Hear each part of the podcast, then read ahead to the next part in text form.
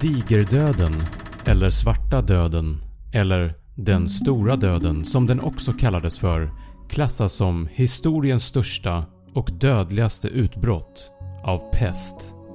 Sjukdomen var extremt smittsam och extremt dödlig beroende på vilken form av pest som du fick. Pesten kom nämligen i tre olika former. Böldpest, blodpest och lungpest. Böldpest som hade minst dödlighet och minst smittsamhet skapade stora varfyllda bölder över hela kroppen. Dessa bölder kunde bli lika stora som äpplen och kunde skvätta ur vätskan inuti om de sprack. Förutom det här så fick den smittade även väldigt hög feber, huvudvärk, ont i kroppen och kräkningar och om det inte var nog med symptom så kunde man även få nekros om man hade riktigt otur. Nekros innebär lokal vävnadsdöd vilket betyder att blodtillförseln till en kroppsdel, till exempel fingrarna, försämras och till slut upphör. Vilket gör att fingrarna blir svarta och till slut ramlar av. Mellan 50-80% av de som fick böldpest dog. Blodpest skapade stora mörka fläckar över hela kroppen hos den smittade. Tänk dig blåmärken fast ännu större och mörkare.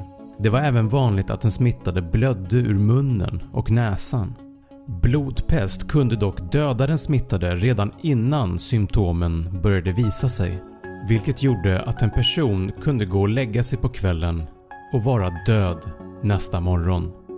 95-100% av alla som fick blodpest dog.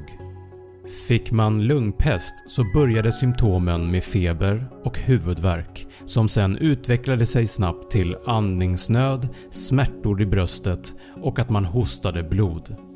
100% av alla som fick lungpest dog. Folk som blev smittade av digerdöden dog oftast inom 1-5 dygn. Vart kom den här sjukdomen ifrån och hur spred den sig över världen? Ursprunget är dessvärre okänt. Man vet inte exakt till 100% var någonstans i världen pesten började. Men det som vi kan bekräfta i dagsläget är att pestbakterien Yersinia pestis har funnits i tusentals år och bakterien kommer från en loppa som sprider sjukdomen vidare till råttor som sen spred den vidare till människan. Under medeltiden, då digerdöden härjade, så var den så kallade svartråttan dominerande i städerna och människorna misstänkte aldrig att en råtta kunde vara smittbärare av den här loppan. Det första utbrottet av pest kan dateras tillbaka ända till 3000 år f.Kr. men det mest kända utbrottet av pest är ju det som den här videon handlar om – digerdöden. Man tror att ursprunget är Kina eller Mongoliet år 1346 där smittan spreds via handelsvägar till Egypten och Syrien för att sen hamna i staden Kaffa på Krim på våren år 1347. Där skedde ett massivt utbrott och flera människor flydde staden via fartyg. Ett av fartygen kom till staden Konstantinopel där sjukdomen spred sig som en löpeld genom staden. Men saker och ting skulle bli ännu värre. År 1347 seglade 12 stycken skepp och lade till i hamnen i den sicilianska staden Messina. Folk som var samlade runt bryggan möttes av en fruktansvärd syn. De flesta ombord på skeppet var döda.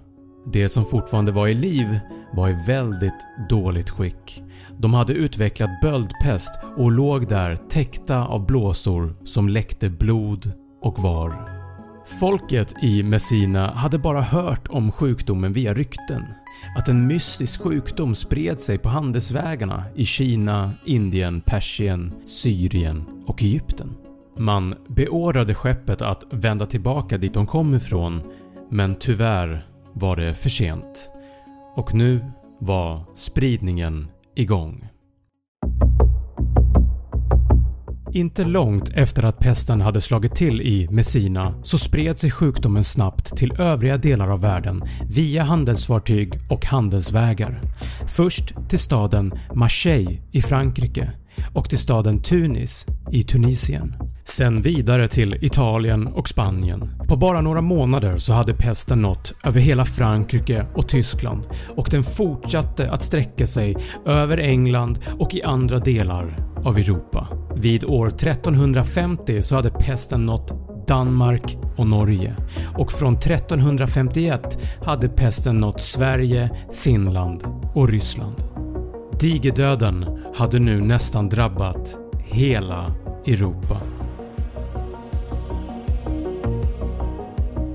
Och då kan man fråga sig hur kunde pesten sprida sig så fort som den gjorde?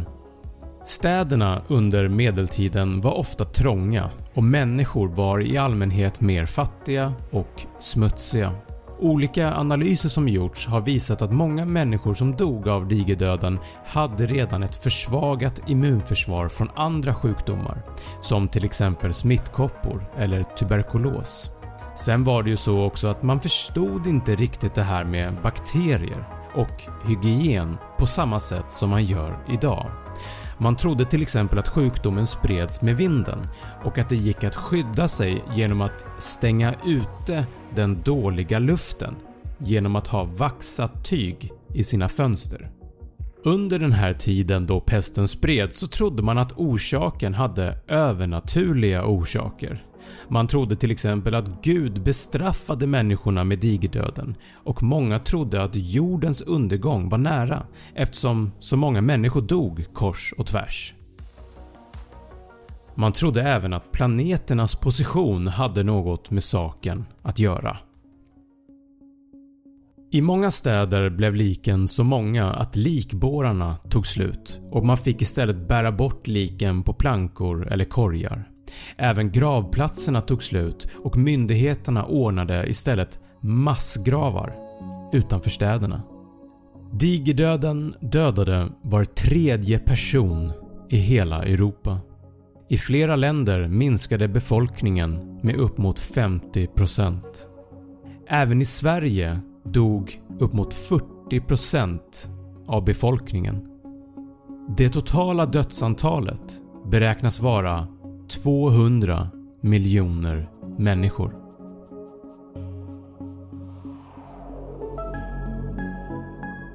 Digerdöden har återkommit i historien men med tiden så har modern forskning samt bättre och bättre hygieniska och medicinska åtgärder bromsat sjukdomens dödlighet.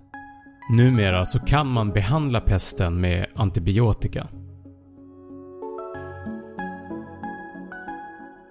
I Sverige var det länge sedan vi hade ett utbrott av pest. Senaste gången var mellan år 1710 och 1713.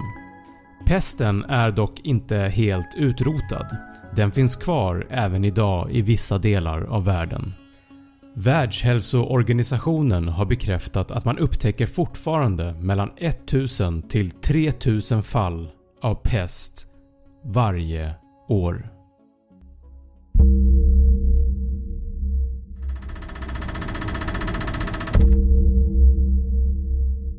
Jag hoppas att du tyckte att det här var intressant. Snabb fakta finns även som en YouTube-kanal där du kan se alla avsnitt med rörlig bild.